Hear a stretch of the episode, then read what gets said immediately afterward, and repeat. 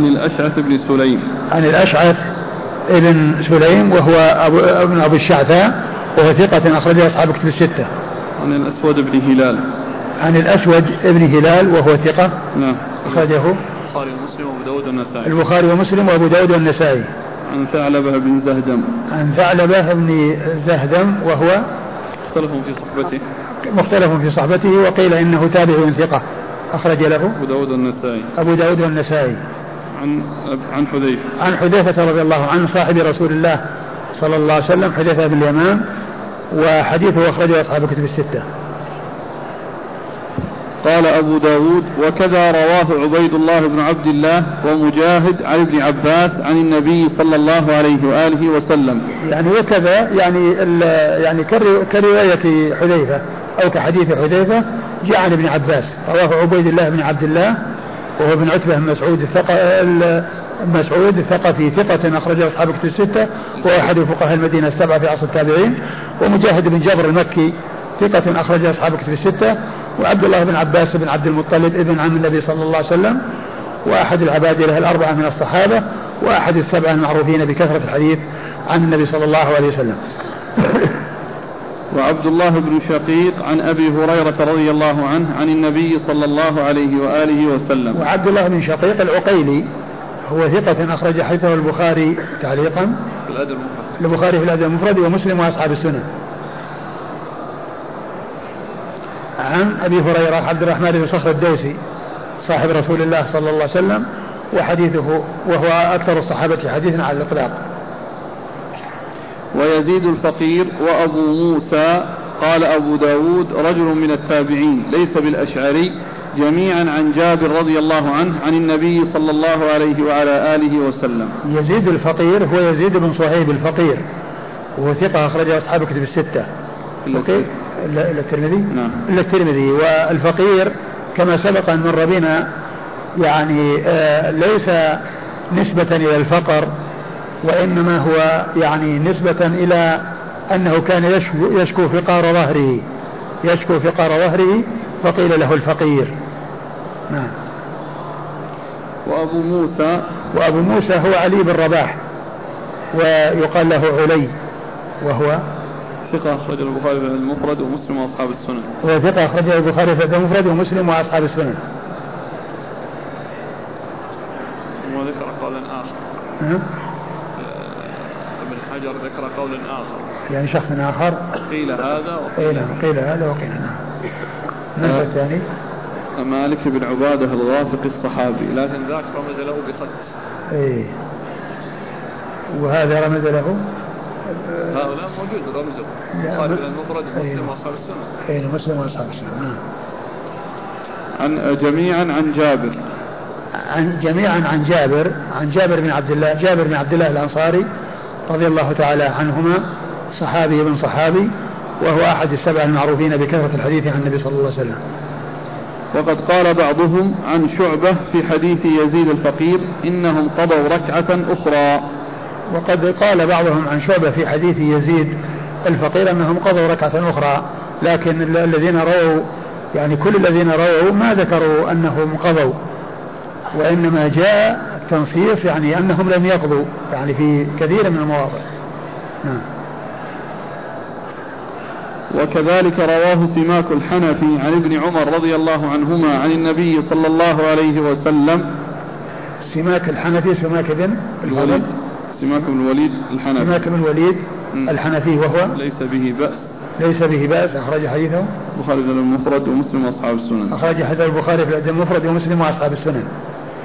عن ابن عمر. عن ابن عمر عبد الله بن عمر بن الخطاب أحد العباد له الأربعة من الصحابة وأحد السبعة المعروفين بكثرة الحديث عن النبي صلى الله عليه وسلم. تشبيه. قوله وكذلك يعود إلى أين؟ إلى نفسه الكيفية لحديث حذيفة ليس هذه الأخيرة. لا لا لا هذا يعني جاء معترض. وكذلك رواه زيد بن ثابت رضي الله عنه عن النبي صلى الله عليه وآله وسلم. وكذلك رواه زيد بن ثابت عن النبي صلى الله عليه وسلم. نعم. زيد بن ثابت صحابي جليل حديثه أخرجه أصحاب كتب الستة. قال فكانت للقوم ركعة ركعة وللنبي صلى الله عليه وعلى آله وسلم ركعتين. قال فكانت يعني لكل يعني لكل لكل كانت للقوم ركعة كانت للقوم ركعة. ركعة والنبي صلى الله عليه وسلم ركعتين. يعني أنه صلى الركعتين والطائفة الأولى لها الركعة الأولى ثم سلمت وجاءت الطائفة الثانية وصلت الركعة الثانية وسلمت معه ولم يقضوا نعم. قال حدثنا مسدد وسعيد بن منصور قال حدثنا أبو عوانة عن بكير بن الأخنس عن مجاهد عن ابن عباس رضي الله عنهما أنه قال فرض الله تعالى الصلاة على لسان نبيكم صلى الله عليه وعلى آله وسلم في الحضر أربعة وفي السفر ركعتين وفي الخوف ركعة. ثم ورد حديث ابن عباس رضي الله تعالى عنهما فرض الله الصلاة على لسان نبيكم صلى الله عليه وسلم في السفر ركعتين وفي الحضر أربعا وفي الخوف ركعة. ومحل الشاهد قوله وفي الخوف ركعة يعني معناه أنه يمكن أن تكون صلاة الخوف ركعة واحدة. وذلك إذا اشتد قال وذلك إذا اشتد القتال أو اشتد الخوف إذا اشتد الخوف فإنهم يصلون ركعة واحدة. الإمام والمأمومون يعني يصلون ركعة واحدة. و والحديث واضح الدلالة على ذلك. وقد مر آه، حديث حذيفة المتقدم الذي فيه أن المأمومين صلوا ركعة ركعة وأن الرسول صلى الله عليه وسلم صلى ركعتين. لكن هذا يدل على أن المأموم أيضا يصلي الإمام يصلي ركعة وأنه يصلي بهم ركعة واحدة. و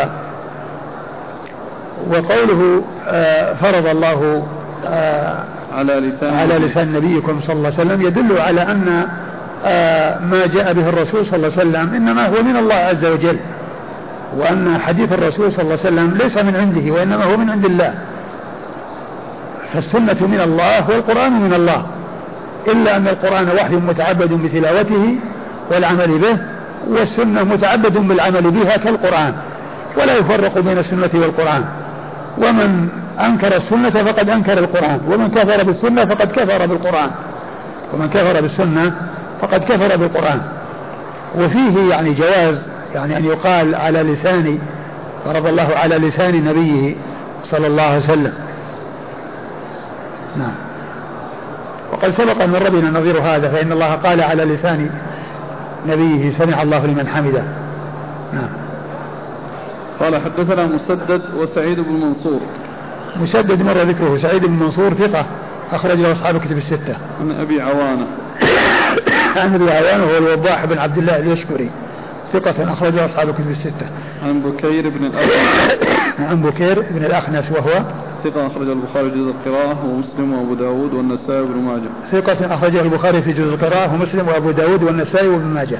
عن مجاهد عن ابن عباس. عن مجاهد عن ابن عباس وقد مر ذكرهما.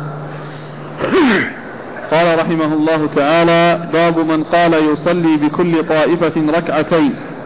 قال حدثنا عبيد الله بن معاذ قال حدثنا أبي قال حدثنا الأشعث عن الحسن عن أبي بكرة رضي الله عنه أنه قال صلى النبي صلى الله عليه وعلى آله وسلم في خوف الظهر فصف بعضهم خلف فصف بعضهم خلفه وبعضهم بإجاء العدو فصلى بهم ركعتين ثم سلم. فانطلق الذين صلوا معه فوقفوا موقف أصحابهم ثم جاء أولئك فصلوا خلفه فصل فصلوا خلفه فصلى بهم ركعتين ثم سلم. فكانت لرسول الله صلى الله عليه وآله وسلم أربعة ولأصحابه ركعتين ركعتين وبذلك كان يفتي الحسن. ثم ورد أبو داود هذه الكيفية وهي كون الإمام يصلي بكل طائفة ركعتين ويسلم.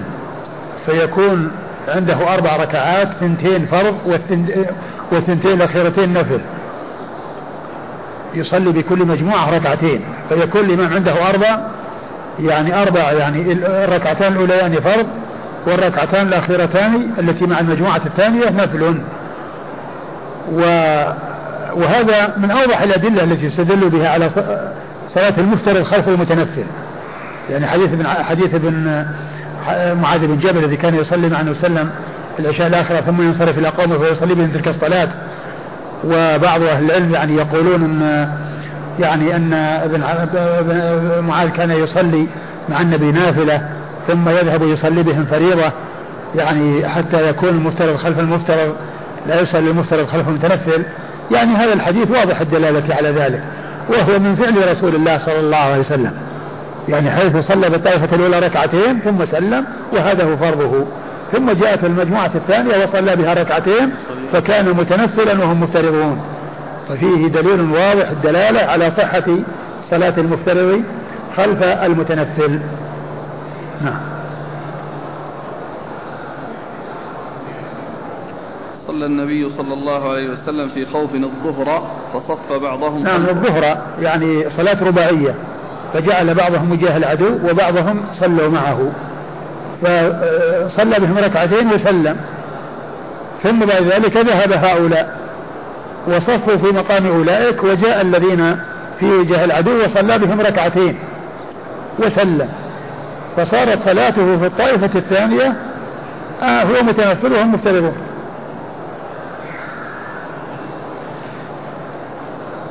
قال حدثنا عبيد الله بن معاذ. عبيد الله بن معاذ بن معاذ العنبري ثقة أخرج حديثه البخاري ومسلم وأبو داود والنسائي. عن أبيه. عن أبيه معاذ بن معاذ العنبري ثقة أخرجه أصحاب كتب الستة. عن الأشعث. عن الأشعث وهو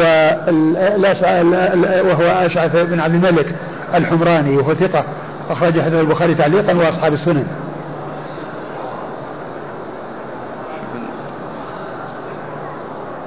عن الحسن. عن الحسن بن أبي الحسن البصري. وهو ثقة أخرج له أصحاب الكتب الستة.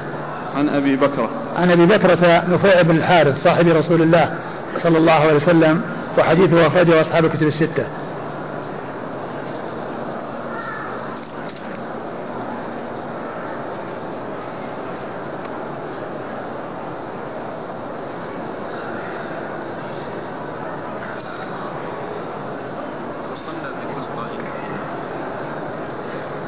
كيف؟ كيف؟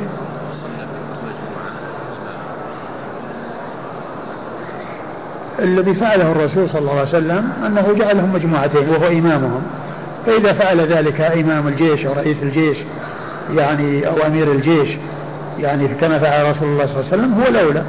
ولو فعل ذلك جاز لكن كونه يعني يصير ال ال ال الإمام واحد يعني ويصلي بهم يعني يدل على أن أن هذا هو الأولى حتى يكونوا وراء إمامهم ووراء رئيسهم وأميرهم. وإن فعل ذلك جاز. لكن هذا الفعل الذي فعله الرسول صلى الله عليه وسلم واضح الدلالة على صحة صلاة المفطر خلف المتنفل. قال أبو قال وبذلك كان يفتي الحسن. نعم. قال أبو داود وكذلك في المغرب يكون للإمام ست ركعات وللقوم ثلاث ركع ثلاث ثلاث ثلاث ركعات. لأن ست ركعات يعني إذا نصلي المغرب مرتين الإمام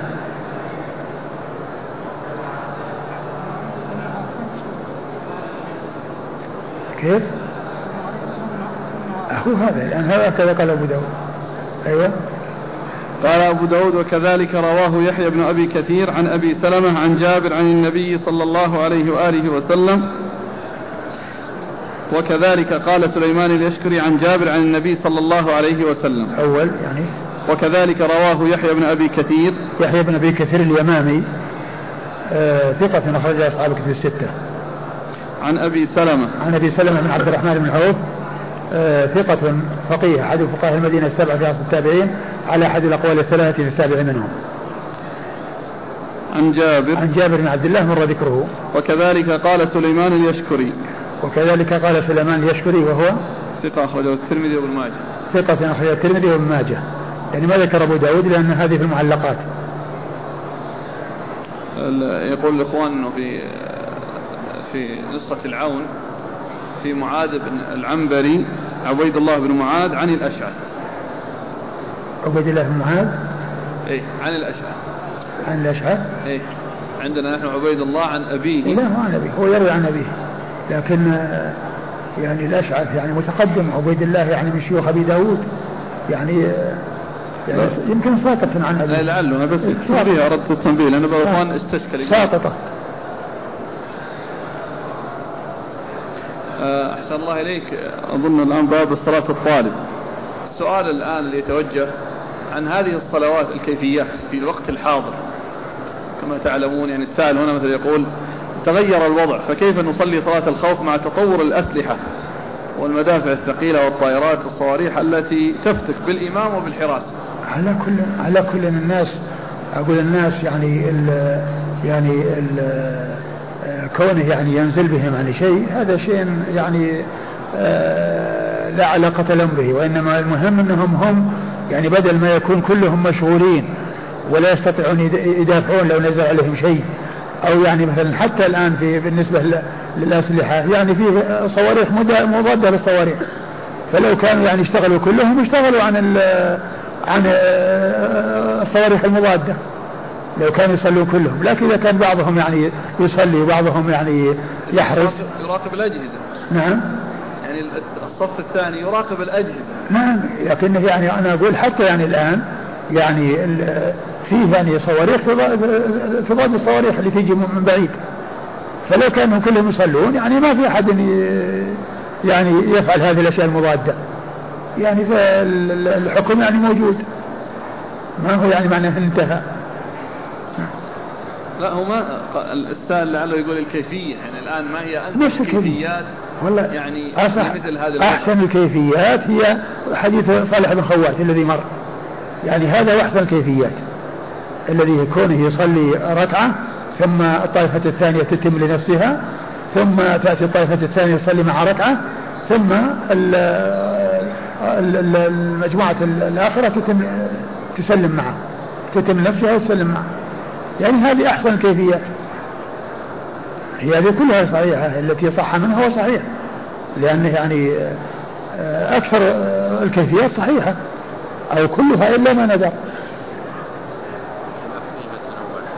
هو نفسه من اختلاف التنوع يعني كل يعني يعني كل صفة منها صحيحة الإنسان إذا أتى بأي شيء ثابت صح لكن يعني يعني أقربها من ناحية عدم كثرة الذهاب والإياب وكذا هي رواية رواية صالح بن خواد عن من صلى خلف النبي صلى الله عليه وسلم صلاة الخوف.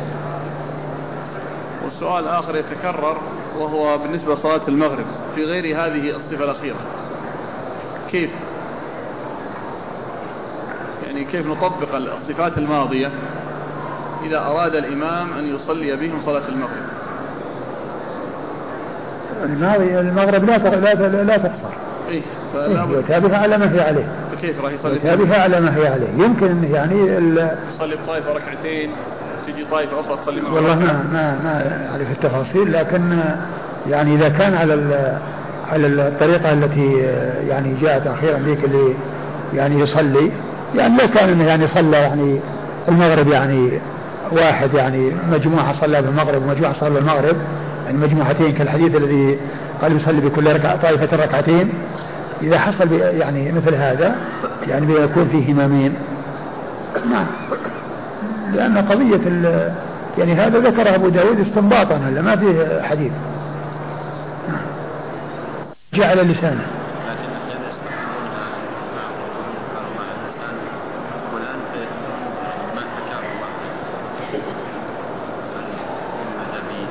ممكن ممكن صحيح. أبد لا بأس. حكاية. نعم. مثلها. نعم. حكاية. وشون حكاية يعني حكى الله.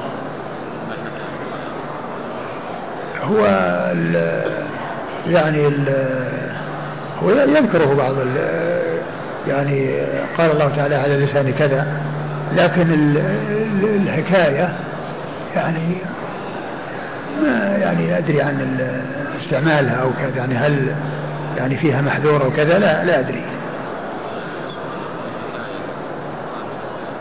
نعم هذا حكاية عن كلام الله. ولكن هذا الله سبحانه وتعالى هو الذي يعني يذكر يعني ما حصل منهم بكلامه سبحانه وتعالى. هو نفس الكلام. هذا كلام الله ويعني آه، الشيء الذي قالوه الله تعالى تكلم به ويعني آه، كما هو معلوم يعني هم ألسنتهم مختلفة وهذا الكلام الذي جاءنا بلسان عربي مبين وهو كلام الله سبحانه وتعالى. لكن يقول حكاية يقولون القرآن ليس كلام الله بل هو حكاية عن كلام الله. لأن كلامه المعنى القائم بنفسه. وهذا حكاية أو عبارة؟ هذا غير هذا. صلاة الخوف بالقصر. آه، الحديث هذا ما يمدينا نكمله. باب صلاة الطالب. إيه؟ طيب. قال رحمه الله تعالى باب صلاة الطالب. قال حدثنا أبو معمر عبد الله بن عمرو قال حدثنا عبد الوارث قال حدثنا محمد بن إسحاق عن محمد بن جعفر عن ابن عبد الله بن أنيس عن أبيه رضي الله عنه أنه قال بعثني رسول الله صلى الله عليه وعلى آله وسلم إلى خالد بن سفيان الهذلي وكان نحو عرنة وعرفات فقال اذهب فاقتله. قال فرأيته وحضر فرأيته وحضرت صلاة العصر فقلت إني أخاف أن يكون بيني وبينه ماء أؤخر الصلاة. فانطلقت أمشي فانطلقت أمشي وأنا أصلي أومئ إيماء إيماء نحوه فلما دنوت منه قال لي من أنت؟ قلت رجل من العرب. بلغني أنك تجمع لهذا الرجل. فجئتك في ذاك. قال إني لفي ذاك. فمشيت معه ساعة حتى إذا أمكنني علوته بسيفي حتى برد. ثم ورد أبو داود هذه ترجمة باب صلاة الطالب. الطالب يعني طالب العدو. طالب العدو الذي يطلب عدوا. وأل عوض عن المضاف إليه. الطالب أي طالب العدو. وهذا يأتي كثيرا التعبير يعني ب يعني باللفظ يعني ال تغني عن المضاف إليه. وهذا يستعمل كثيرا مثل ما يقال الفتح والبلوغ. الفتح والبلوغ والنيل. يعني اختصارا. يعني نيل يعني بلوغ المرام فتح الباري. يعني ال تغني عن المضاف إليه كثيرا ما يأتي استعمال ذلك. فالطالب هنا طالب العدو. فحذف المضاف إليه هو العدو وجاءت ال في الأول عوض عن المضاف إليه. والمقصود به طالب العدو يعني من يطلب عدوا. والعلماء قالوا إن ال ال أن الإنسان قد يكون طالبا وقد يكون مطلوبا. فإذا كان مطلوبا والعدو يطلبه ولو وقف يصلي يعني آه، تمكن منه وقضى عليه فإنه يصلي يعني على راحلته ويصلي إيماء ويصلي ماشيا. فإن خفتم فرجالا أو ركبانا يعني هذا إذا كان مطلوبا. وأما إذا كان طالبا إذا كان طالبا ويعني قال فإنه ينزل ويصلي. إلا إذا كان يعني آه، آه، يعني آه، انفرد ذلك الطالب من من من اصحابه وانفرد عنهم وخشي انه يعني يلحق به العدو فيصير هنا يعني كأنه في حكم المطلوب فله أن يصلي ماشيا أو يصلي راكبا وأما إذا كان متمكنا من أن يصلي ولا يترتب على يعني صلاته يعني مضرة عليه فإنه ينزل ويصلي. هذا إذا كان طالبا. آه، أبو داود رحمه الله أورد حديث عبد الله بن أنيس الجهني رضي الله تعالى عنه أن أنه أن النبي صلى الله عليه وسلم قال له إن خالد بن سفيان الهذلي نعم. خالد بن سفيان الهذلي في مكان كذا يعني في عرنة وعرفات فاذهب إليه فاقتله. ف وكان يعني يجمع لقتال الرسول صلى الله عليه وسلم. فذهب إليه ولما رآه قال خشيت أن أنني أن أخرت الصلاة. يعني يكون بيني وبين شيء يعني يجعلني أخر الصلاة حتى يخرج وقتها. فصار يصلي وهو يمشي إليه في طريقه إليه يومئ إيمان وهو ماشي. ولما وصل إليه قال له خالد من أنت؟ قال رجل من العرب علمت أو أنك تجمع لهذا الرجل يعني النبي صلى الله عليه وسلم فجئتك لهذا. يعني هذا كلام في تورية لأنها يعني هو يريد شيء وذاك يريد, يريد شيء آخر. يعني كأنه قال يعني جئت لأنصرك لأنصرك ولأؤيدك. ففهم هذا منه ذلك. وأما هو قال جئتك لهذا من أجل أنك تريد يعني يريد أن أقتلك. يعني هذا هو الذي آه، جاء من أجله جئتك لهذا لكونك تجمع لهذا الرجل أنا جئتك من أجل هذا. فهذاك يعني يعني فهم أنه يعني يريد أنه يصير معه وأنه بيكون مع الجماعة اللي هو يجمع. وهو يريد أنه جاء آه، ليقضي عليه لأنه يجمع لهذا الرجل أي الرسول صلى الله عليه وسلم. وهذا من التورية في الكلام. الذي يعني يكون يعني المتكلم يريد شيئا وغيره يفهم شيئا آخر وكلامه محتمل. لأنه لو قال جئت أنصرك يعني صار كاذبا. لو جئت أنصرك. أو لو قال جئت يعني أقاتلك يعني يعني يعني لاقاه ولكنه أتى بكلام محتمل بكلام مجمل. يحتمل هذا ويحتمل هذا. وهذا من التورية في الكلام. قال فقال إنني بذلك يعني إنني هذا شأني يعني أجمع.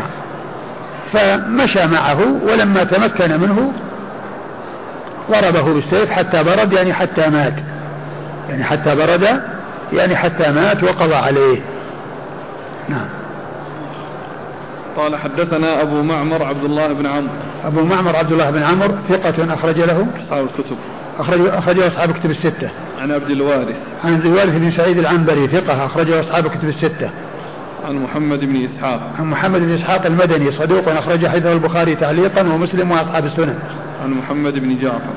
عن محمد بن جعفر بن الزبير ثقة أخرجه أصحاب الكتب الستة. عن ابن عبد الله بن أنيس. عن ابن عبد الله بن أنيس وهو غير يعني مسمى وقيل إنه عبيد الله وقيل إنه ضمرة وهو مجهول. يعني وهو مجهول أخرج حديثه أبو داود. وحده. آه والله ما وجدت له ترجمة. أنا ما وجدت له ترجمة في لا هو هو هنا أبو الإشبال لا ذكره هناك في الأنساب في الأبناء ابن. قال ضمرة أو عمر. ضمرة أو عمر. وقال إنه روى عن أبيه في ليلة القدر وفي الخوف. وفي صلاة الخوف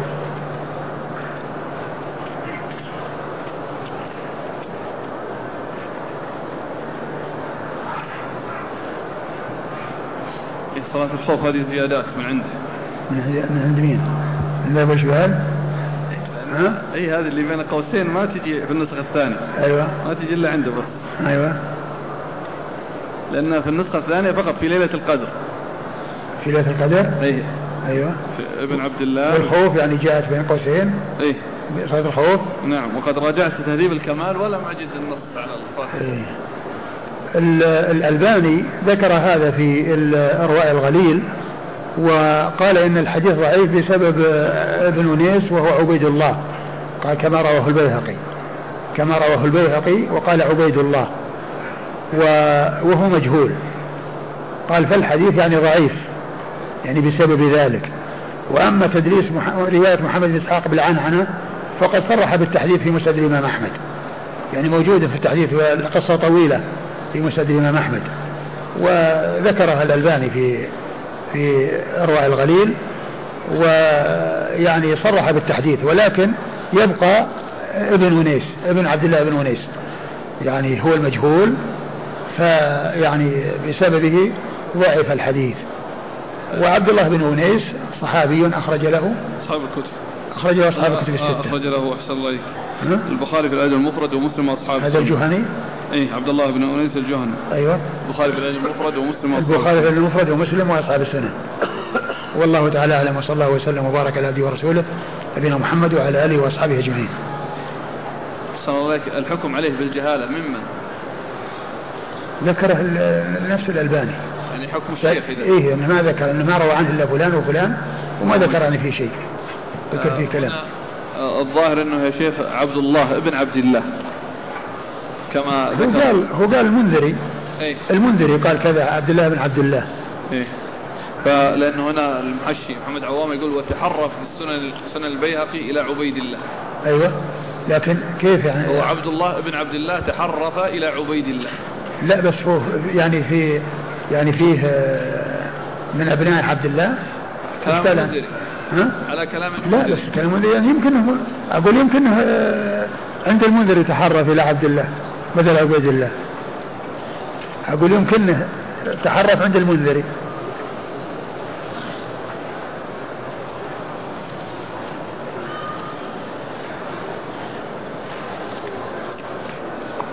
عليك آه والغالب يعني يعني بالغالب الأسماء أن أن الاسم الاسم الإنسان على اسم أبيه هذا نادر.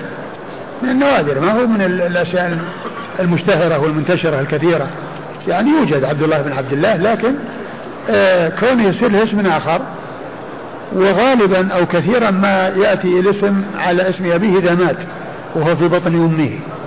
إذا مات وهو في بطن أمه يعني يسمى يعني باسم أبيه. وقد مر يعني في سنن النسائي شخص يعني آه، آه، كان مات وأبوه وهو في بطن أمه فسمي باسم أبيه. الفائدة الثانية أنه يقول أنه في الفتح في, في فائدة اللي في الأمس الذي محمد بن الأسود محمد بن الأسود الذي في درس أمس. نعم. يعني في تحفة الأشراف قال يعني محمد بن جعفر بن الزبير ومحمد بن وأبي الأسود محمد بن عبد الرحمن بن نوفل. وأبي الأسود محمد بن عبد الرحمن بن نوفل. قول محمد بن الأسود لعله محمد بن عبد الرحمن بن نوفل أبي الأسود.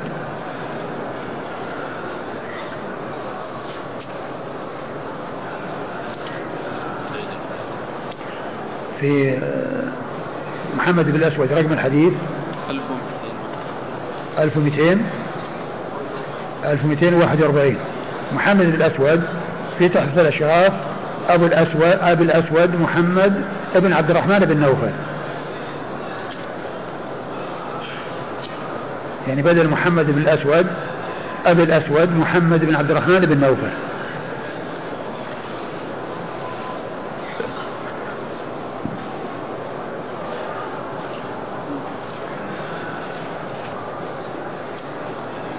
نفس الإسناد. أوله قال حدثنا محمد بن عمرو الرازي. كنا أيوة. استشكلنا في الرموز. أيوة. آه، الصواب أنه البخاري ومسلم وأبو داود وابن ماجه. البخاري ومسلم وأبو داود وابن ماجه؟ اي في طبعة محمد طبعة بالأشبال البخاري ومسلم وأبو داود والنسائي. أيوه. لما رجعنا تهذيب الكمال وتهذيب التهذيب فيه مسلم وأبو داود وابن ماجه. النص عليه المزي. اي تهذيب الكمال. والحافظ. اي طيب. تهذيب التهذيب لكن أسقطوا اسقطوا أسقطوا رمز البخاري. اي ثم لأن الرجل هذا مختلف فيه حصل ترجيح للحافظ أو ذكر الحافظ في تهذيب التهذيب. عدد من العلماء أنهم قالوا أن هذا من شيوخ البخاري. أيوة. وهو فالسير رموز أربعة البخاري أيوة. ومسلم وأبو داود وابن ماجه. بالنسبة أحسن الله عليك أي في الفائدة الثانية عن هذا الحديث الأخير حديث الطالب. الحافظ ابن حجر يقول إسناده حسن. هو نفس هو نفس الألباني. قال إن تحسين الحافظ له مع يعني كون يعني هذا يعني ابن عبد الله بن انيس يعني لا يستقيم التحسين يعني مع جهالته. الحافظ في مثل هؤلاء ما يطلق عليهم الجهاله الحافظ رحمه الله مثل هذه الطبقة ما يطلق عليها الجهالة يتورع. اليوم أبناء الصحابة ذولي الغالب إنه يقول عنهم مقبول. يعني أنا وجدت كثيرا في طريقته والله هو هو كلمة مقبول يقولها في مجهولين. يعني في مواضع متعددة.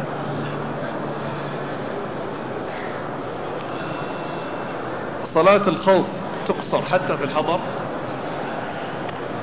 صلاة الخوف يعني آه، ذكر الحافظ بن حجر في فتح الباري يعني آه، فائدة حول هذا الموضوع وقال أن يعني آه، صلاة الخوف تؤدى في الحضر كما تؤدى في السفر. يعني وهذه ذكرتها من الفوائد المنتقى في الفوائد المنتقى من فتح الباري وكتب أخرى. ذكرت هذه الفائدة عن الحافظ بن حجر وهي يعني أن صلاة الخوف تؤدى في الحضر كما تؤدى في السفر. تؤدى في الحضر كما تؤدى في السفر. قصرا في الجميع. اي نعم. تؤدى في الحضر كما تؤدى في السفر. و وذكرها في ذكرت أنا نادي هو قال قصر أو إنها تمام بس إنه قال إنه يتابها بالحضر ما أتذكر الآن. ما أجزم هل قال بالقصر والا انه يعني يؤتى بها تامة لكن مع مع مع تقسيم الناس نعم. ما أتذكر لكن الفائدة هي موجودة في الفوائد المنتقاه عزلت إلى مكان الحافظ وقال قال والدليل على ذلك أن الآية أطلقت وإذا كنت فيه فأقمت عنهم الصلاة فإنه يشمل الحضر والسفر. قال هذه الآية يعني عمومها يدل على أن الحكم يشمل الحضر والسفر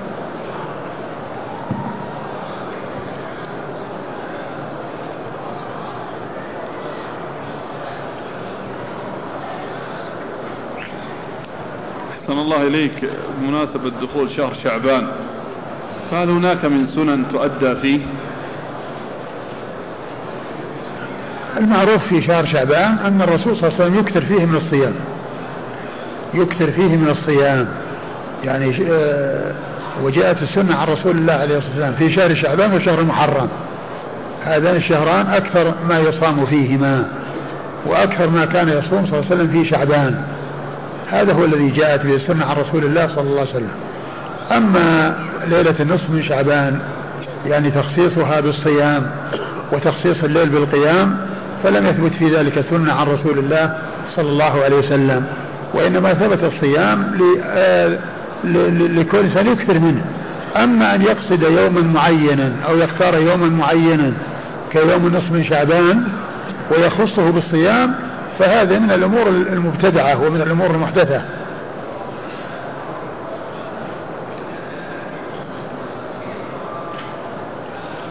يقول أنا عندي سائق يشرب الدخان. هل أبقيه عندي أم أتركه؟ وهل المال الذي أسلمه له الراتب هل يعتبر مساعدة له على هذا المنكر؟ والله أنت كونك يعني تستأجره وتعطيه نقود وهو يفعل المنكر يعني أو يشرب الدخان يعني أنت يعني ما أنت مسؤول عن هذا. ولكن أن يكون كونك يعني تقترن أو كونك يعني تصطحب إنسان سليم من الشرور وسليم من هذا لا شك أن هذا هو الذي ينبغي لك. يعني كونك يعني ما ما يكون صاحبك ومقارنك ومرافقك يعني يكون متصل بهذا الوصف. والحمد لله الذين يعني ما يشربون الدخان كثير والإنسان يعني يختار منهم. من خرج منه ريح هل يستنجي ويتوضأ أم يعيد الوضوء بدون استنجاء؟ الريح ما فيها استنجاء. الريح ليس فيها استنجاء.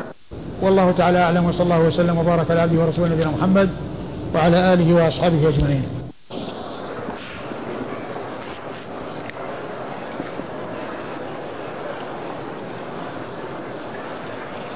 بسم الله الرحمن الرحيم الحمد لله رب العالمين.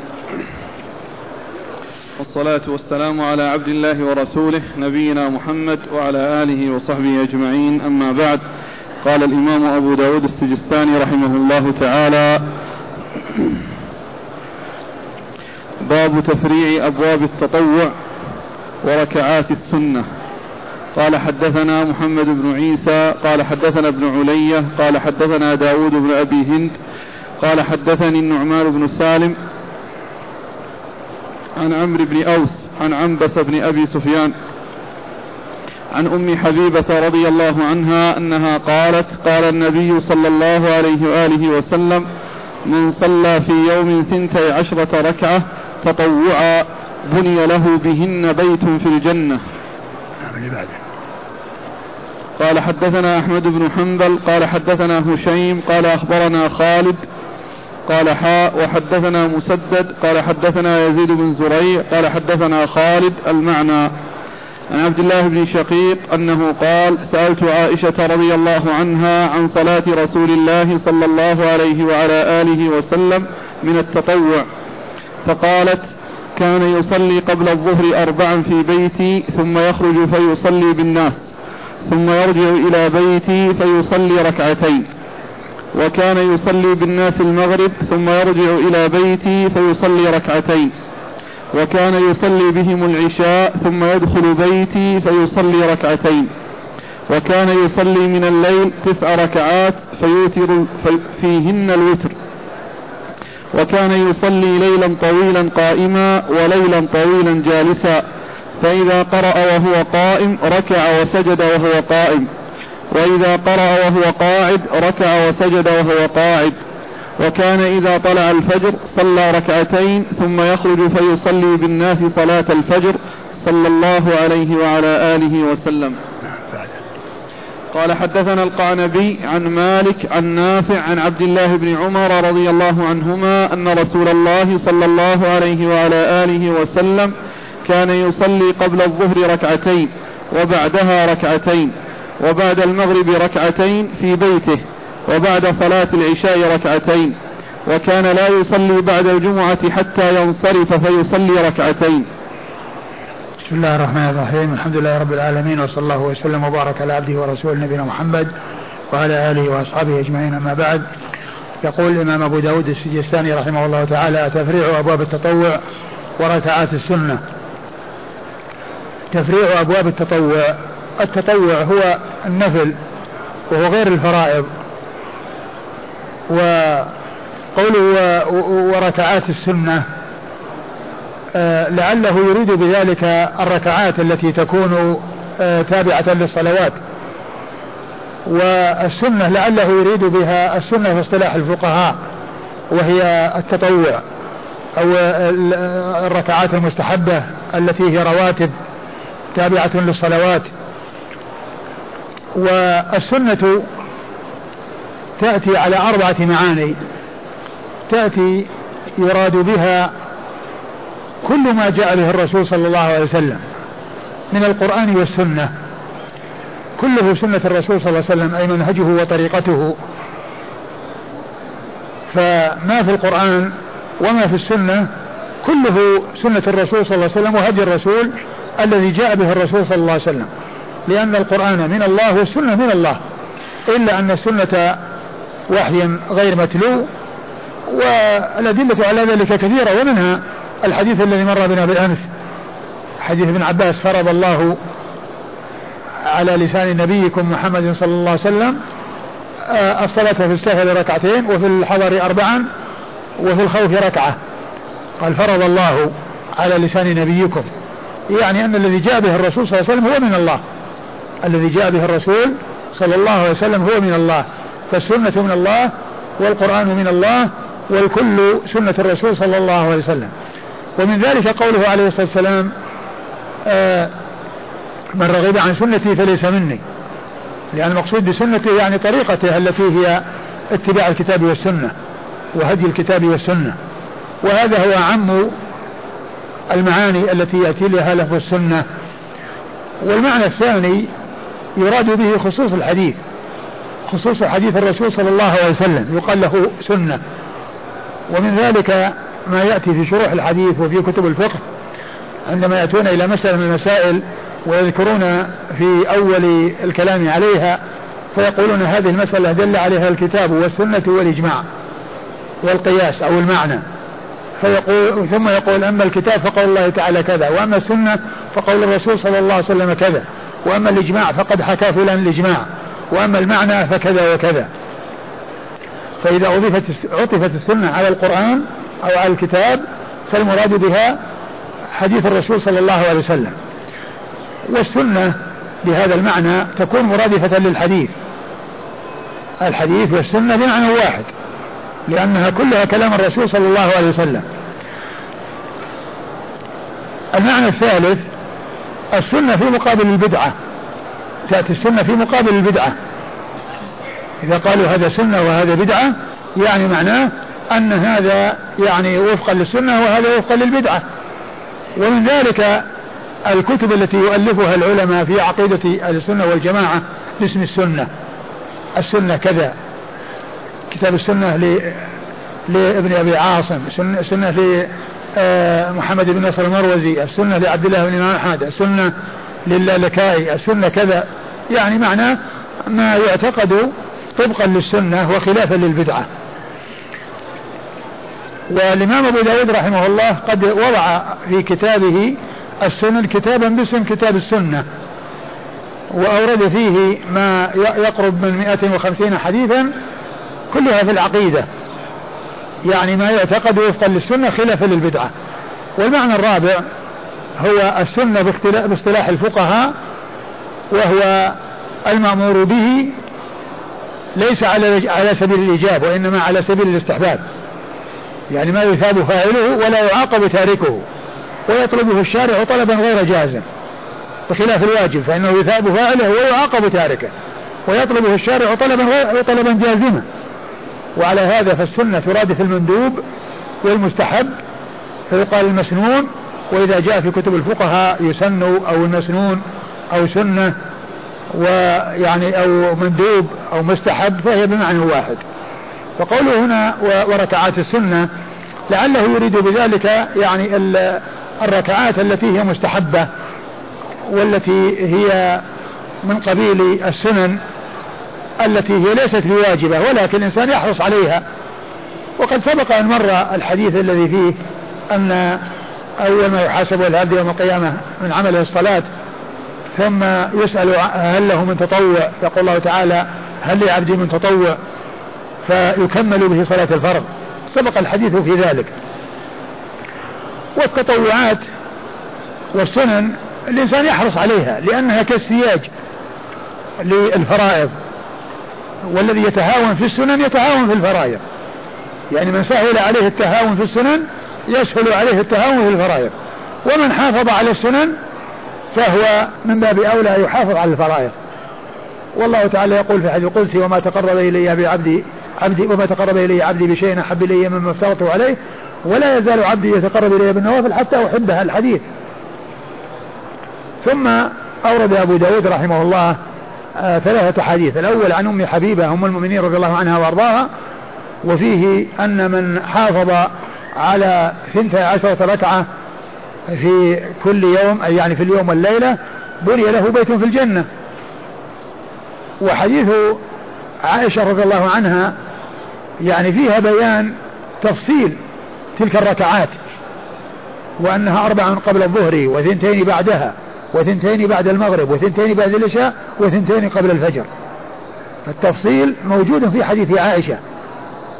التفصيل لهذه السنن الرواتب الأربعة الاثنى عشر أو الاثنى عشر موجود في حديث عائشة. أربعا قبل الظهر وثنتين بعدها وثنتين بعد المغرب وثنتين بعد العشاء وثنتين قبل الفجر. وثنتين قبل الفجر.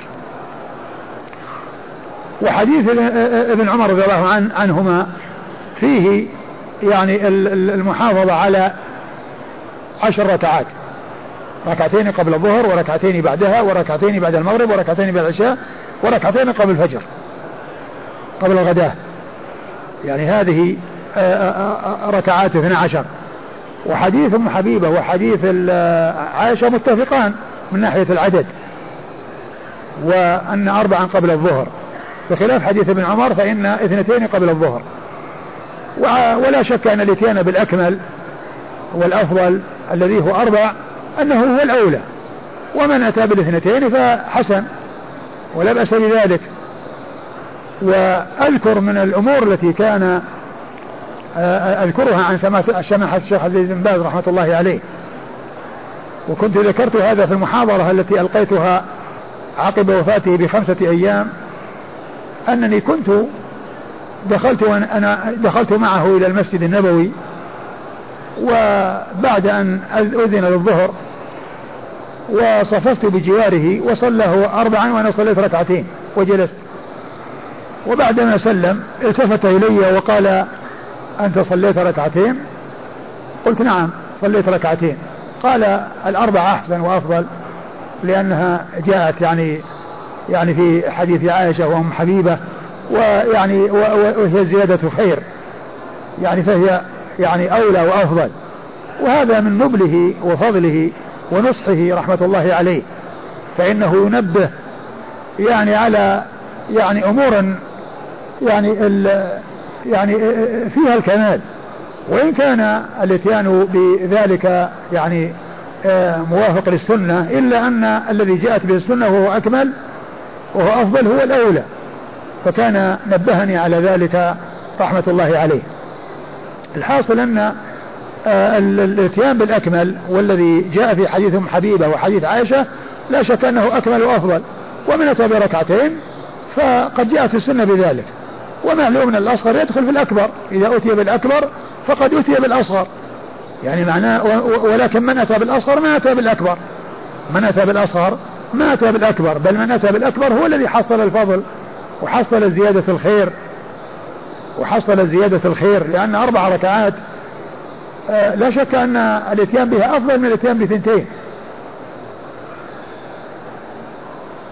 و وعلى هذا فإن هذه الأحاديث الثلاثة دلت على هذه الرواتب. وحديث أم حبيبة وعائشة متفقان على ذكر العدد وهو 12 وحديث أم حبيبة غير مفصل وحديث عائشة مفصل وفيه أيضا أن النبي صلى الله عليه وسلم كان يصلي الرواتب كلها في بيته في حديث عائشة. كان يصلي في بيته أربعا ثم يخرج ويصلي بالناس ثم يرجع إلى بيته ويصلي ركعتين. وهكذا في كل الرواتب كان يصلي في بيته عليه الصلاة والسلام. و في حديث ابن عمر قال بعد المغرب في بيته وهذا يفيد أن, أن, أن ذلك في بيته. ولكن عائشة رضي الله عنها مبينة أن تلك الرواتب كانت في البيت. أن تلك الرواتب في البيت. فتكون يعني هذا الذي جاء في حديث ابن عمر أي مثل ما جاء في حديث عائشة. إلا أن ابن عمر نص على ذلك يعني فيما يتعلق بالمغرب. وعائشة كما هو معلوم هي أدرى وأعلم لأنها تخبر أنه كان يصلي في بيتها أربعا ثم يخرج ثم يرجع ويصلي ركعتين. ثم في كل راتبة من الرواتب يأتي بها صلوات الله وسلامه وبركاته عليه في بيته آه، كما جاء ذلك مبينا عنها. وقد قال عليه الصلاة والسلام صلاة الرجل في بيته أفضل إلا المكتوبة. صلاة الرجل في بيته أفضل إلا المكتوبة. فهذا يدل يدل على ذلك قوله وفعله. ففعله أنه كان يصلي في بيته نوافل الرواتب وقوله هذا الحديث الذي يقول فيه صلى الله عليه وسلم صلاة الرجل في بيته أفضل إلا المكتوبة. إيش حديث ابن عمر؟ إيش لفظه؟ كان صلى الله عليه وسلم يصلي قبل الظهر ركعتين وبعدها ركعتين وبعد المغرب ركعتين في بيته وبعد صلاة العشاء ركعتين وكان لا يصلي بعد الجمعة حتى ينصرف فيصلي ركعتين. وكان لا يصلي بعد الجمعة حتى ينصرف فيصلي ركعتين. يعني ما ذكر فيه يعني ركعتين اللي قبل صلاة الفجر. ومن المعلوم إنها هي آكد آكد الرواتب.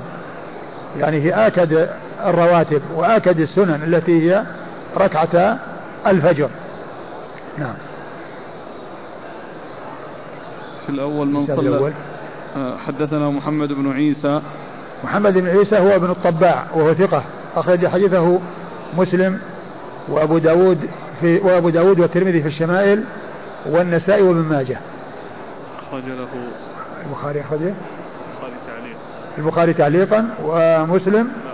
البخاري تعليقا وأبو داود والترمذي في الشمائل والنسائي وابن ماجه. عن ابن علي. عن البخاري تعليقا وأبو داود والترمذي في الشمائل والنسائي وابن ماجه. وابن علية هو إسماعيل بن إبراهيم بن مقسم الأسدي البصري المشهور بابن علية نسبة إلى أمه وهو ثقة أخرج له أصحاب الكتب الستة. عن داود بن أبي هند. عن داود بن أبي هند وهو ثقة أخرجه البخاري تعليقا نعم. ومسلم وأصحاب السنن. عن النعمان بن سالم. عن النعمان بن سالم وهو ثقة أخرج له مسلم وأصحاب السنن. وهو ثقة أخرجه مسلم وأصحاب السنن. عن عمرو بن أوس. عن عمرو بن أوس وهو ثقة قال عنه تابعي كبير. وهو تابع وهو تابعي كبير. يعني ما قال عنه إنه ثقة ولا شيء.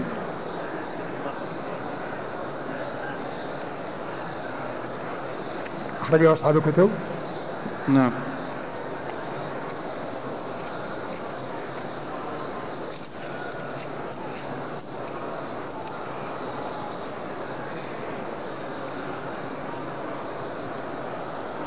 لا لم يذكر. قال تابعي كبير. من الثانية وهم من ذكره في الصحابة. بس. ها؟ ولم يحكم على كل هو خرج له أصحاب الكتب الستة ومنهم البخاري ومسلم. نعم. عن عنبسة بن أبي سفيان. عن عنبسة بن أبي سفيان وهو؟ يقال له رؤية. وقال أبو, دو أبو نعيم. اتفق الأئمة على أنه تابعي. خرجه مسلم وأصحاب السنة. وقيل له رؤية وقيل أنه تابعي أو اتفق الأئمة. اتفق الأئمة على يقول أبو نعيم اتفق الأئمة على أنه تابعي يعني ليس بصحابي وحديثه أخرجه مسلم وأصحاب السنن أخرجه مسلم وأصحاب السنن عن أم حبيبة. عن أم حبيبة وهي أم المؤمنين بنت أبي سفيان رضي الله تعالى عنها وأرضاها. أم حبيبة بنت أبي سفيان رضي الله عنها وأرضاها. أم, أم المؤمنين آه، حديثها أخرجه أصحاب الكتب الستة. في الحديث من صلى في اليوم في يوم ثنتا عشر ركعة تطوعا بني لهن له بهن بيت في الجنة. نعم بني له بهن بيت في الجنة. يعني ال ال يعني ال ال يعني إن هذا هو جزاؤه. يبني الله له بيتا في الجنة يعني هذا البيت يعني فيه من النعيم ما فيه. قال حدثنا أحمد بن حنبل. أحمد بن حنبل أحمد بن محمد بن حنبل الشيباني الإمام المشهور. أحد أصحاب المذاهب الأربعة المشهورة من مذاهب أهل السنة وحديثه أخرجه أصحاب كتب الستة. عن هشيم. عن هشيم بن بشير الواسطي وهو ثقة أخرج له أصحاب كتب الستة. عن خالد. عن خالد وهو بن مهران الحذاء وهو لقبه أخرج حديثه أصحاب الكتب الستة. قال حاء وحدثنا مسدد. ثم قال حاء وهو للتحول من إسناد إلى إسناد. حدثنا مسدد بن مسرهد البصري ثقة أخرجه البخاري تعليق البخاري وأبو داود والترمذي والنسائي. عن يزيد بن زريع. عن يزيد بن زريع وهو ثقة أخرج له أصحاب الكتب الستة. عن خالد المعنى عن خالد وهو الحذاء. المعنى يعني أن الرواية أن الطريقين متفقين متفقان في المعنى. عن عبد الله بن شقيق. عن عبد الله بن شقيق العقيلي وهو ثقة أخرج له البخاري في الأدب المفرد. نعم. ومسلم وأصحاب السنن. عن عائشة. عن عائشة أم المؤمنين رضي الله عنها وأرضاها الصديقة بنت الصديق وهي من أوعية السنة وحفظتها وقد حفظت الشيء الكثير من حديث رسول الله صلى الله عليه وسلم ولا سيما ما يتعلق في الأمور البيتية مثل ما أخبرت به في هذا الحديث من أنه يصلي النوافل كلها في بيتها. نعم. في الحديث كان يصلي قبل الظهر أربعا في بيتي. هل يجوز أن تصلى سردا؟ دون سلام بينهن. والله الذي يبدو أن الصلاة أنها ثنتين ثنتين. ثنتين ثنتين. قالت في الحديث وكان يصلي من الليل تسع ركعات فيهن الوتر. وكان يصلي من الليل تسع ركعات فيهن الوتر. يعني جاء عنه صلى الله عليه وسلم يعني أكثر ما جاء عنه في الوتر ثلاثة عشرة ركعة في صلاة الليل مع الوتر. وجاء وأقل ما جاء سبع ركعات. وأكثر ما جاء إحدى عشرة ركعة. إحدى عشرة ركعة. وقيل إن الثلاثة عشرة يعني هي إحدى عشر ولكن الثنتين إما أن يراد بها الركعتان اللتان يصليهم وهو جالسا بعد الوتر وقيل إنهما ركعتان خفيفتان يبدأ بهما صلاة الليل وقيل إنهما سنة العشاء وقيل غير ذلك. ويعني وجاء عنه آه، أقل شيء ورد سبع وهنا تسع فيها الوتر. يعني أن هذا يعني في بعض أحواله ولكن الرسول ما كان يزيد على 11 كما جاء عن عائشة. ولكنه قد ينقص عنها إلى تسع وإلى سبع ولم يأتي عنه أقل من سبع. قالت كان يصلي ليلا طويلا قائما وليلا طويلا جالسا فإذا قرأ وهو قائم ركع وسجد وهو قائم. كان يصلي ليلا طويلا وهو قائم وليلا طويلا وهو جالس. يعني معناه أنه كان يصلي يعني قائما ويصلي جالسا. وإذا صلى عن قيام ركع عن قيام وسجد عن قيام. وإذا صلى عن جلوس ركع عن جلوس وسجد ركع بالإيماء وسجد بالإيماء عن عن جلوس. وقد جاء أيضا أنه كان يدخل في الصلاة آه، جالسا أو أنه كان يعني يقرأ يعني من صلاة الليل يعني شيء كثير وهو جالس فإذا بقي ثلاثين آية أو أربعين آية قام وقرأها وهو قائم ثم ركع. فيكون يعني أول صلاته عن جلوس أو أول قيامه للركعة عن جلوس في جلوس وهو الكثير. ثم بعد ذلك يقوم ويقرأ ثلاثين آية وأربعين آية الباقية عليه التي كان أراد أن يقرأها ثم يركع ويسجد صلى الله عليه وسلم. فهو كان إذا صلى قائما ركع عن قيام وإذا صلى جالسا ركع عن جلوس ولكنه قد يصلي جالسا ثم يقوم كما سبقت الأحاديث بذلك عن رسول الله صلى الله عليه وسلم. قال حدثنا القعنبي القعنبي هو عبد الله بن مسلمة المقعنب القعنبي ثقة أخرج له أصحاب كتب الستة إلا ابن ماجه. عن مالك. عن مالك بن أنس إمام دار الهجرة الإمام المشهور أحد أصحاب المذاهب الأربعة المشهورة من مذاهب أهل السنة وحديثه أخرجه أصحاب كتب الستة. عن نافع. عن نافع مولى بن عمر وهو ثقة أخرجه أصحاب كتب الستة. عبد الله بن عمر. عن عبد الله بن عمر بن الخطاب رضي الله تعالى عنهما الصحابي الجليل أحد العبادلة الأربعة من الصحابة وأحد السبعة المعروفين بكثرة الحديث عن النبي صلى الله عليه وسلم وهذا الإسناد من الرباعيات وهي أعلى ما يكون عند أبي داود. القعنبي ومالك ونافع وابن عمر. بين أبي داود وبين رسول الله صلى الله عليه وسلم أربعة أشخاص وهذا هو أعلى ما يكون عند أبي داود.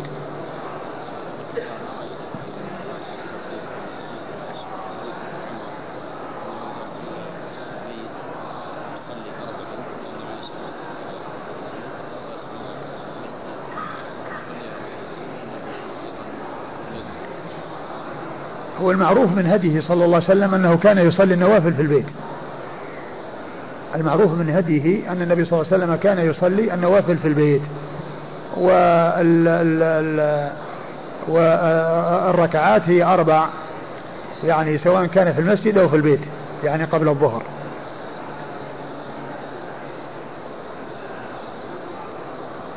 يعني على ما هو الأولى والأفضل. وإلا فإن ذلك جائز يعني الذي جاء في حديث ابن عمر. ولكن الأربع أكمل وأفضل. نعم.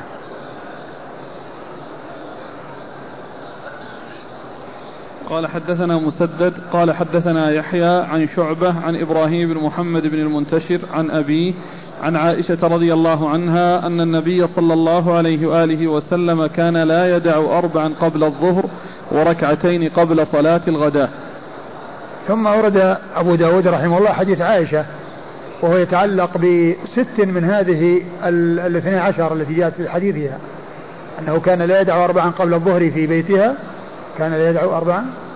قبل الظهر هكذا. أيوة. وركعتين قبل صلاة الغداء. لا يدع أربعا قبل الظهر وركعتين قبل صلاة الغداء يعني في بيتها لأنها تحكي عن الشيء الذي يجري في بيتها وقد جاء ذلك وقد جاء ذلك مبينا في الحديث الذي قبل هذا. فهذا فيه يعني دليل على يعني آه على آه على ست ركعات من الاثني عشر الاثنى عشر التي جاءت في حديثها السابق. نعم. قال حدثنا مسدد عن يحيى. يحيى هو بن سعيد القطان البصري ثقة أخرج له أصحاب كتب الستة. عن شعبة. عن شعبة بن الحجاج الواسطي ثم البصري وهو ثقة أخرج له أصحاب كتب الستة. عن إبراهيم بن محمد بن المنتشر. عن إبراهيم بن محمد بن المنتشر وهو ثقة أخرج له. أصحاب الكتب. أخرجه أصحاب الكتب الستة. عن أبيه وهو ثقة. أخرجه أصحاب الكتب. نعم. عن أبيه وهو ثقة. أخرجه أصحاب الكتب الستة. عن عائشة. عن عائشة وقد مر ذكرها.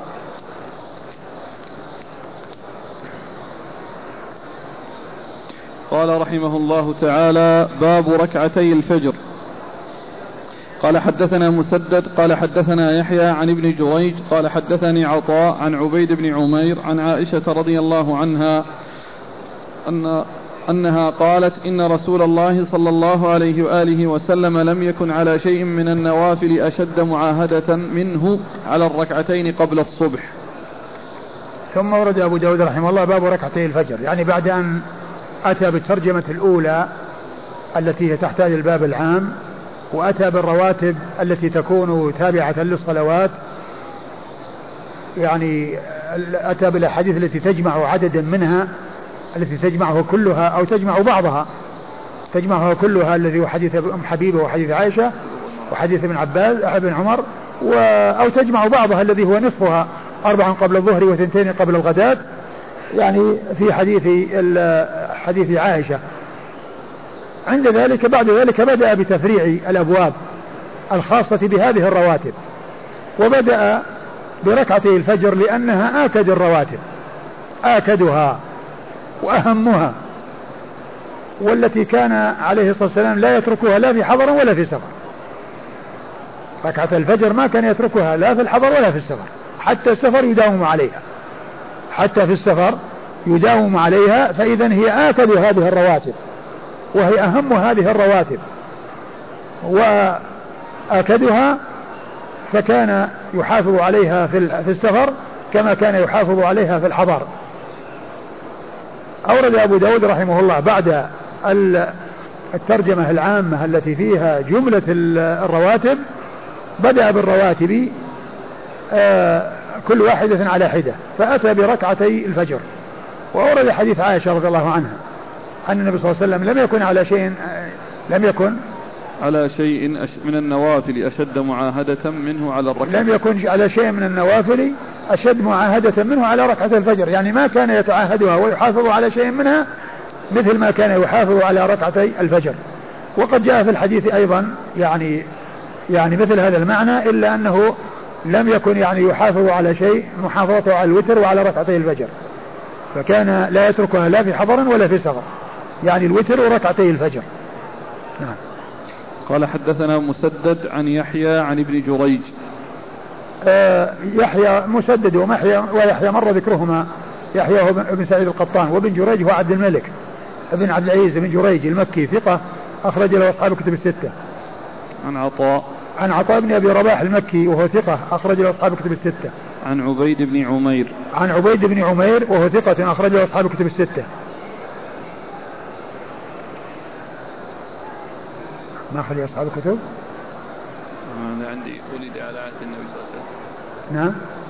ولد على عهد النبي صلى الله عليه وسلم أيوة وبعدين ما قيل فيه شيء آخر أنه لعل هذا ولي المختلف فيه ها؟ هؤلاء المختلف فيه في صحبته أيوة. نعم إيش قال فيه غير ولد على عهد النبي صلى الله عليه وسلم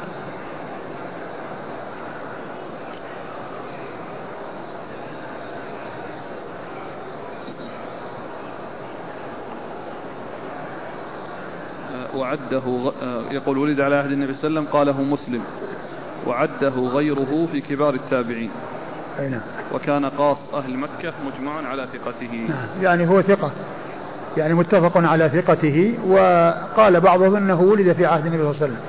وإذا كان ولد في عهد النبي صلى الله عليه وسلم ولم يره النبي صلى الله عليه وسلم فلا يقال له صحابي. وإنما الصحابي هو الذي لقي النبي صلى الله عليه وسلم ورآه النبي صلى الله عليه وسلم هذا هو الصحابي. وأما مجرد الولادة في حياته فإن المخضرمين قد ولدوا في حياته. يعني يعني مولودون يعني في في في في, في, في, في يعني أدركوا الجاهلية والإسلام. لكن يعني الذي ولد في حياته يعني معناه أنه يعني صغير يعني بعد ال يعني بعد البعثة أو كذا. نعم. عن عائشة. عن عائشة مر ذكرها. قال رحمه الله تعالى باب في تخفيفهما. قال حدثنا أحمد بن أبي شعيب الحراني قال حدثنا زهير بن معاوية قال حدثنا يحيى بن سعيد عن محمد بن عبد الرحمن عن عمرة عن عائشة رضي الله عنها أنها قالت كان النبي صلى الله عليه وعلى آله وسلم يخفف الركعتين قبل صلاة الفجر حتى إني لأقول هل قرأ فيهما بأم القرآن. ثم ورد أبو داود هذه الترجمة باب تخفيفهما. لأنه أبو داود أورد عدة تراجم تتعلق بركعتي الفجر. أولها ركعتي الفجر أي إثباتهما. وبيان أهميتهما. ثم تخفيفهما. يعني أنه لا يطيلهما بل يخففهما. والنبي صلى الله عليه وسلم كان يخففهما. ودليل ذلك حديث عائشة وما جاء من الأحاديث التي فيها القراءة. وأنه يقرأ قل يا أيها الكافرون وقل هو الله أحد أو آيتين. آية في الركعة الأولى وآية في الركعة الثانية وكل هذا يدل على التخفيف. وكل هذا يدل على التخفيف. كونه يقرأ فيهما بقل هو الله واحد وقل يا الكافرون وقل هو الله واحد. أو بآية من سورة البقرة وآية من سورة آل عمران أو آيتين من سورة آل عمران كل ركعة يقرأ فيها آية يعني هذا يدل على على تخفيفها. وحديث عائشة الذي أورده أبو داود هنا يدل على التخفيف الشديد. بل قالت عائشة أنه أنها قالت يعني هل قرأ فيهما بأم القرآن؟ يعني لسرعة ولكن لا يعني ذلك أنه لم يقرأ بل هو يقرأ بل ويقرأ قل, هو قل يا أيها الكافرون وقل هو الله أحد. ولكن هذا إشارة إلى التخفيف وإلى مقارنتها بركعاته الأخرى أنها يعني ليست بشيء يعني من ناحية يعني مقدارها. يعني فهي خفيفة جدا لكن لا يعني ذلك أنه لم يقرأ. بل هو يقرأ ويقرأ قل هو الله أحد ولكن المقصود الإشارة إلى أنه خففهما.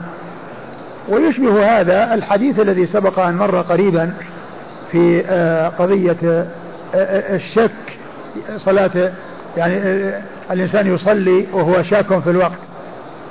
الذي مر قريبا يعني منذ يومين أو ثلاثة وأن المقصود من ذلك أنه يصليها في أول الوقت يعني حتى يعني يكون بعض الناس يعني كأنه يعني يتردد في الوقت. يعني هل دخل الوقت إلا ما دخل.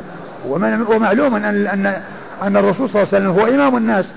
وهو الذي يحافظ على الوقت وهو الذي يعرف دخول الوقت ولكن بعض المأمومين يعني لسرعة لشدة المبادرة إلى الصلاة في أول وقتها يعني يعني يتردد هل دخل الوقت إلا ما دخل. وإن وجد التردد بالفعل فلا يؤثر لأن العبرة بالإمام. هو المسؤول عن الوقت والذي يحافظ على الوقت وغيره تابع له. فالحاصل أن هذا أن ذاك يعني أنه آه، يعني آه، يعني معناه المبادرة وعدم التأخر في شيء بعد دخول الوقت. وهنا التخفيف الشديد. نعم. قال حدثنا أحمد بن أبي شعيب الحراني. أحمد بن أبي شعيب الحراني هو أحمد بن عبد الله بن أبي شعيب الحراني ثقة أخرج له. البخاري وأبو داود والترمذي والنسائي. البخاري وأبو داود والترمذي والنسائي.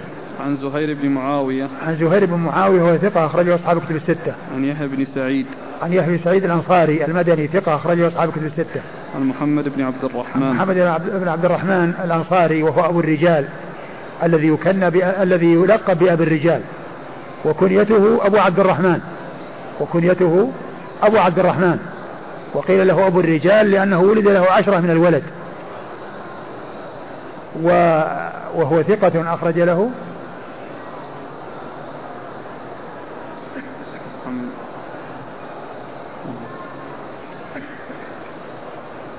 أنا اللي خرجته شخص آخر. نعم. اللي أخرجته أظن شخص آخر. هذا محمد عبد الرحمن إيش بعد ذلك؟ لا هو هذا يروي عن أمه لأن عمرة بن أمه هي أم أبي الرجال.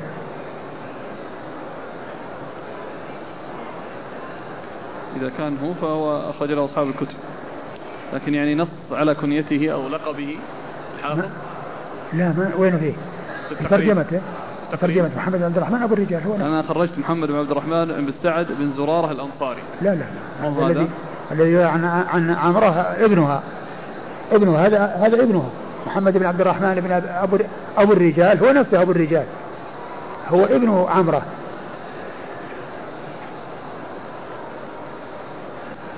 لا بس يعني خرج له من؟ يعني هو أصحاب الكتب وإلا بعضهم؟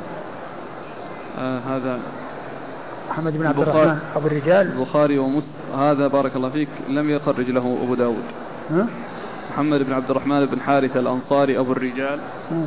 لم يخرج له أبو داود. ما خرج له أبو داود؟ ها؟ خرج؟ له البخاري ومسلم والنسائي بن ماجه. البخاري ومسلم؟ النسائي بن ماجه. ما أدري إذا كان يعني ما خرج له أبو داود.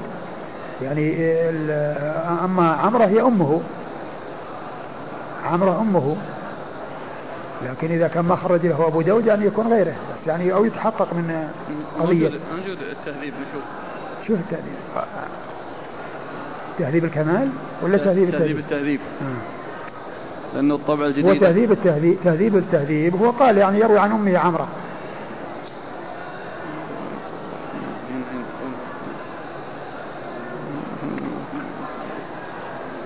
وأيضا يحيى بن سعيد الأنصاري يعني كلهم مدنيون.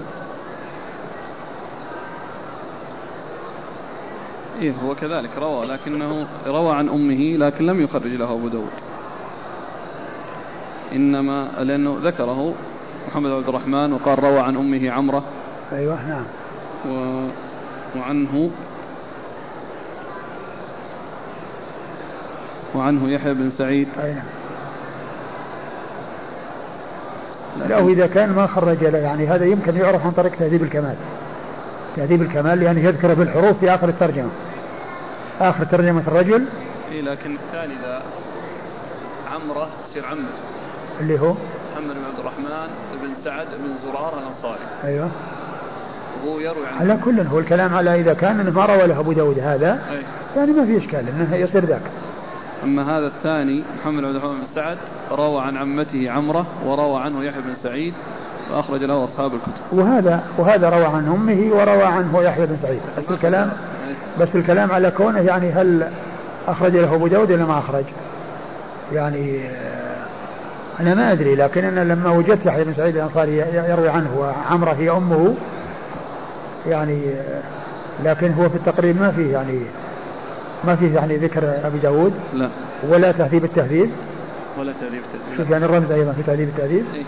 أيضا ما في أبو داود؟ إذا يكون هذا لعله مثل ما ذكرتم.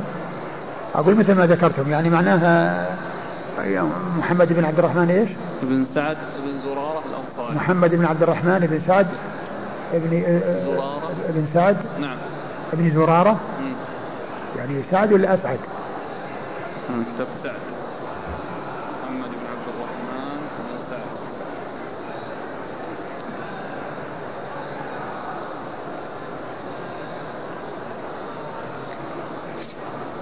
هو سبق أن مر بنا عبد الرحمن ابن ابن أبو الرجال.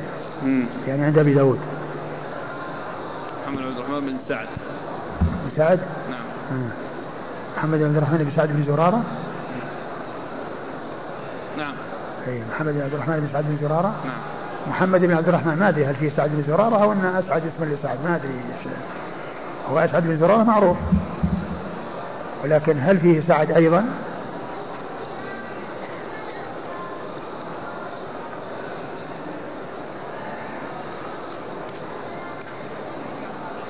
لا ليس ليس في الرواة سعد بن؟ زرارة؟ ليس في الرواة سعد بن زرارة ليس في الرواة سعد بن زرارة أيوه في الرواة أي. أيوة. أقول ما أدري بس هل يكون لا بس هكذا هو حتى حتى في التهذيب حتى يعني التهذيب سعد التهذيب أيضا؟ سعد سعد نعم آه. وأسعد بن زرارة ما قيل فيه سعد أسعد يعني يمكن ومنهم من ينسبه إلى جده لأمه فيقول محمد بن عبد الرحمن بن أسعد بن زرارة. آه. يعني جده الامه يعني معناه صار هذا ثاني. ها؟ يعني هو نفسه هو لا. نفسه. نعم. هو الراوي نفسه. يعني معناه إنه يعني غير سعد بن زرارة يعني معناه إنه بدل سعد بن زرارة واسعد بن زرارة. أي. أي بدل أسعد. بدل سعد أسعد. نعم. يعني فيكون لكن بس سعد بن زرارة هذا. في موجود لأن هنا في التهذيب. محمد بن عبد الرحمن بن سعد بن زرارة الأنصاري المدني وهو محمد بن عبد الرحمن ابن عبد الله ابن عبد الرحمن ابن سعد ابن زرارة ويقال ابن محمد بدل عبد الله ومنهم من ينسبه إلى جده لأمه فيقول محمد بن عبد الرحمن ابن أسعد ابن زرارة على كل ما ندري. قضية الشخص يعني هذا الآن الذي هو يعني يروي عن عمته يروي عن عمته عمرة اللي هو محمد بن عبد الرحمن هذا نعم. بن سعد بن زرارة. نعم. يروي عن عمته عمرة ويحيى يروي عن يحيى بن سعيد الأنصاري. نعم. إذا يكون هو هذا وهو خرج أصحاب الكتب. نعم. وهو ثقة أخرج أصحاب الكتب الستة. عن عمرة.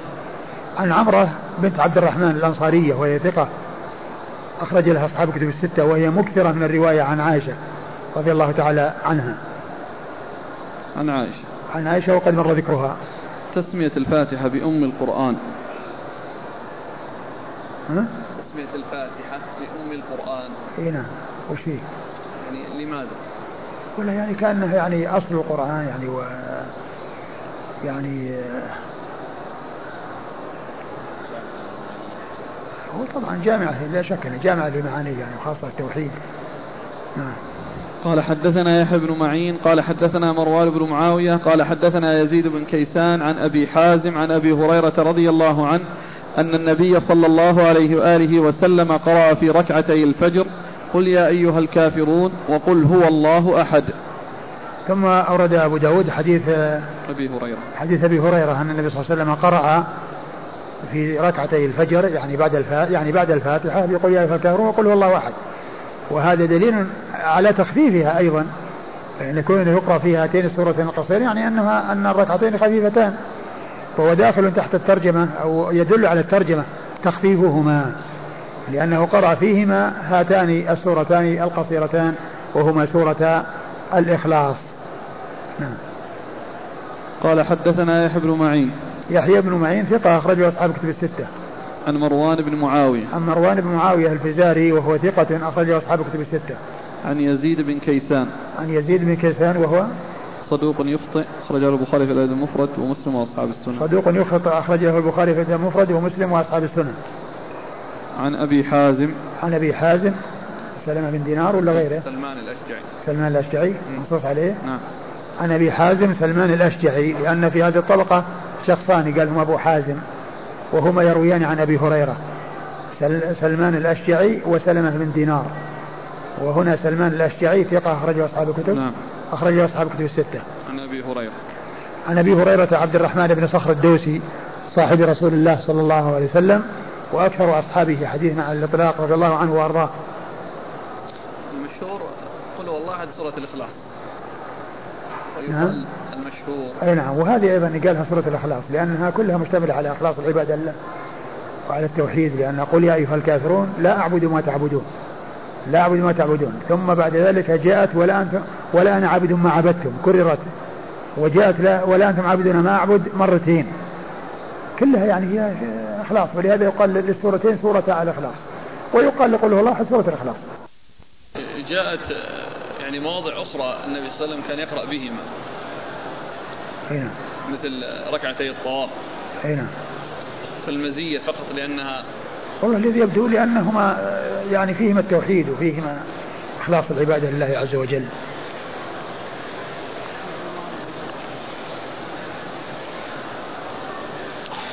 قال حدثنا أحمد بن حنبل قال حدثنا أبو المغيرة قال حدثنا عبد الله بن العلاء قال حدثني أبو زيادة عبيد الله بن زيادة الكندي عن بلال رضي الله عنه أنه حدثه أنه أتى رسول الله صلى الله عليه وآله وسلم ليؤذنه بصلاة الغداة فشغلت عائشة رضي الله عنها بلالا بأمر سألته عنه حتى فضحه الصبح فأصبح جدا قال فقام بلال فآذنه بالصلاة وتابع أذانه.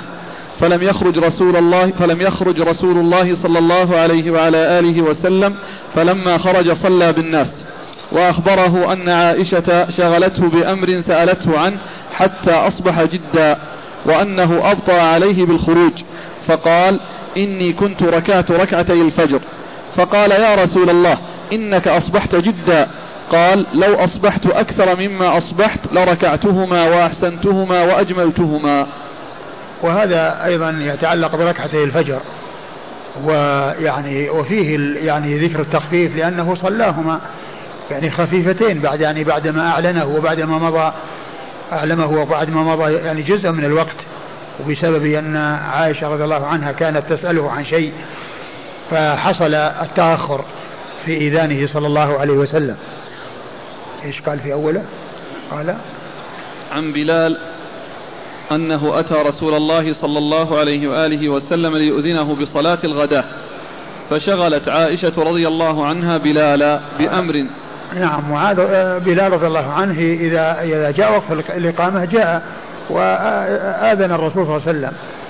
فالرسول صلى الله عليه وسلم يخرج إلا أنه لما جاء قبل أن يؤذنه سألته عن عائشة عن شيء فانشغل به معها. حتى يعني مضى جزء من الوقت وحتى ظهر النهار أو فضحه الصبح. يعني معناه أنه ظهر وبدأ ويعني خرج عن الوقت المعتاد الذي كان آه، آه، يصلي به الرسول صلى الله عليه وسلم. أيوة. قال فقام بلال فآذنه بالصلاة وتابع أذانه. يعني بعدما فرغ من آه، من عائشة وآذنه في الصلاة وذهب وتابع آذانه يعني لعل المقصود به أنه أقام الصلاة. أقام الصلاة آذن الرسول وذهب وأقام الصلاة. أيوة. فلم يخرج رسول الله صلى الله عليه وعلى آله وسلم فلما خرج صلى بالناس وأخبره أن عائشة شغلته بأمر سألته عنه حتى أصبح جدا. يعني لما صلى رسول الله صلى الله عليه وسلم يعني الرسول يعني تأخر وكان يصلي ركعتين بعد أن آذنه. فأخبره بأن عائشة يعني يعتذر عن التأخر الذي حصل عن العادة بأن عائشة شغلته. أيوه. قال وأنه أبطأ عليه بالخروج. وأنه أبطأ عليه بالخروج يعني بعد أنه عائشة شغلته وقد أخبره. وبعد مضى شيء من الوقت ومع ذلك أبطأ بالخروج.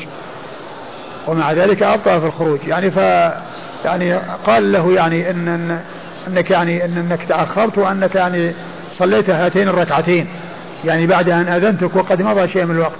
فالرسول صلى الله عليه وسلم قال له لو تأخرت أكثر من ذلك لصليتهما و وأحسنتهما وأجملتهما. نعم. أي نعم. فدل هذا على تأكد هاتين الركعتين وعلى أهميتهما وعن الإنسان يبدأ بهما. يعني ولو مضى يعني آه، شيء من الوقت بل لو بل عند القضاء الرسول صلى الله عليه وسلم لما يعني طلع الفي يعني طلعت الشمس وقاموا يعني صلوا الركعتين قبل أن يصلوا يعني قضاء قبل أن يصلوا آه، آه، الفجر. لما ناموا في الوادي وحصل لهم النوم. يعني قضى صلى الركعتين أولا.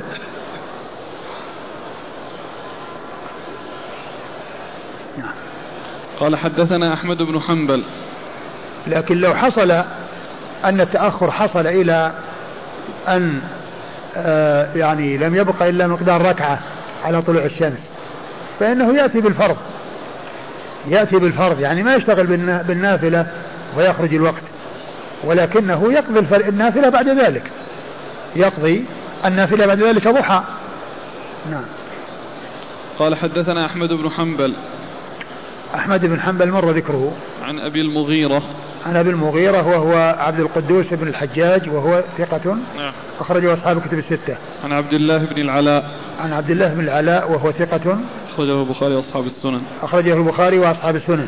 عن أبي زيادة عبيد الله بن زياد الكندي. عن أبي عبيد عن أبي زيادة عبيد الله بن زياد الكندي وهو ثقة. نعم. أخرج له أبو داود أخرجه أبو داود وحده. عن بلال. عن بلال مؤذن رسول الله صلى الله عليه وسلم بلال بن رباح رضي الله عنه وحديثه أخرجه أصحاب الكتب. نعم. وحديثه أخرجه أصحاب الكتب الستة. الإسناد؟ الإسناد يعني صحيح. لأن في ترجمة أبي زيادة. إيه قالوا أنه يعني لم لم لم يسمع. لكن هنا الحديث أنه حدث يقول. هذا يفيد لأنه سمع منه. أي أي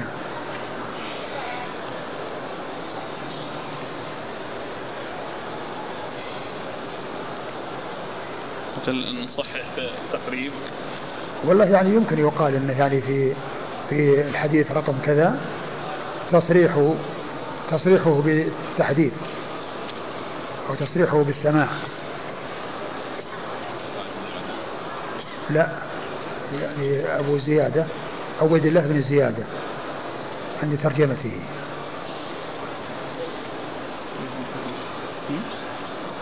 أنه حدثه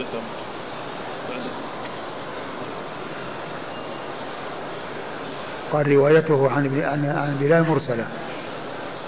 أو أو, أو أرسل قال إيش؟ روايته. وروايته عن بلال مرسلة. أي نعم يعني هنا تصريح بالتحديث.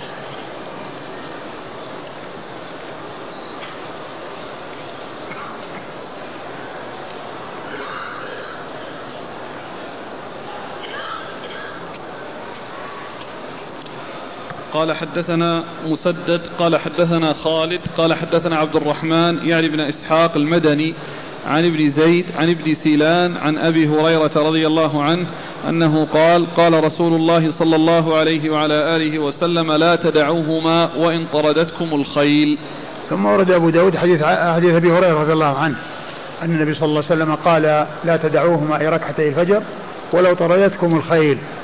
يعني وقيل في معنى ذلك طردتكم الخيل يعني أن العدو لاحقكم يعني معناه أنكم يعني صلوها على أي حال كنتم فلا تتركوا هذه النافلة سواء كنتم راكبين أو أو أو غير راكبين وقيل معناه أنها لو طردتكم الخيل يعني بمعنى أن أنهم يعني ارتحلوا وأن يعني ال يعني أن, أن, أن, أن, يعني أنه يعني يحصل يعني ذهاب الناس عنهم فإنهم يعني لا يتساهلون في أمر هاتين الركعتين. لكن الإسناد يعني غير صحيح. الإسناد غير صحيح من جهة أن فيه ابن سيلان هذا كما يعني سيأتي. نعم. قال حدثنا مسدد عن خالد. خالد هو ابن عبد الله الواسطي. ثقة أخرجه أصحاب كتب الستة. عن عبد الرحمن يعني بن إسحاق. عن عبد الرحمن يعني بن إسحاق وهو صدوق أخرجه البخاري في الأدب المفرد ومسلم وأصحاب السنن. صدوق أخرجه البخاري في الأدب المفرد ومسلم وأصحاب السنن. نعم. البخاري في الأدب المفرد في الأدب المفرد ومسلم وأصحاب السنن. عن ابن زيد. عن ابن زيد وهو محمد ابن زيد ابن ابن قنفذ وهو ثقة أخرجه أبو داود محمد بن زيد بن المهاجر بن قنفذ مسلم وأصحاب السنن. أخرجه مسلم. ثقة أخرجه مسلم وأصحاب السنن. عن ابن سيلان. عن ابن سيلان وقيل هو عبد الله وقيل عبد ربه وقيل جابر وهو مقبول وهو قال عنه مقبول وقال غيره عنه إنه مجهول. أخرج له أبو داود وحده. عن أبي هريرة. عن أبي هريرة مر ذكره. قال حدثنا أحمد بن يونس قال حدثنا زهير قال حدثنا عثمان بن حكيم قال أخبرني سعيد بن يسار عن, عب عن عبد الله بن عباس رضي الله عنهما أن كثيرا مما كان يقرأ رسول الله صلى الله عليه وعلى آله وسلم في ركعتي الفجر بآمنا بالله وما أنزل إلينا هذه الآية. قال هذه في الركعة الأولى وفي الركعة الآخرة بآمنا بالله واشهد بأننا مسلمون. ثم أورد أبو داود حديث أبي هريرة ابن عباس. حديث ابن عباس رضي الله تعالى عنهما أن النبي صلى الله عليه وسلم كان كثيرا ما يقرأ يعني في ركعتي الفجر بهاتين الآيتين الآية الأولى من سورة البقرة قولوا آمنا بالله وما أنزل إلينا الآية والآية الثانية في سورة آه، آل عمران قل يا أهل الكتاب تعالوا إلى كلمة سواء بيننا وبينكم الآية هذه في الآية في الركعة الأولى وهذه في الركعة الثانية. وهو كما هو واضح دليل على تخفيفهما لأن كونه يقرأ في الركعة الأولى آية وفي الركعة الثانية آية يعني معناه أنهما مخففتان. قال حدثنا أحمد بن يونس. أحمد بن يونس هو الكوفي الذي كنا نقول يعني مدة طويلة أنه المصري وهو خطأ خطأ منا ووهم فهو أحمد بن عبد الله بن يونس.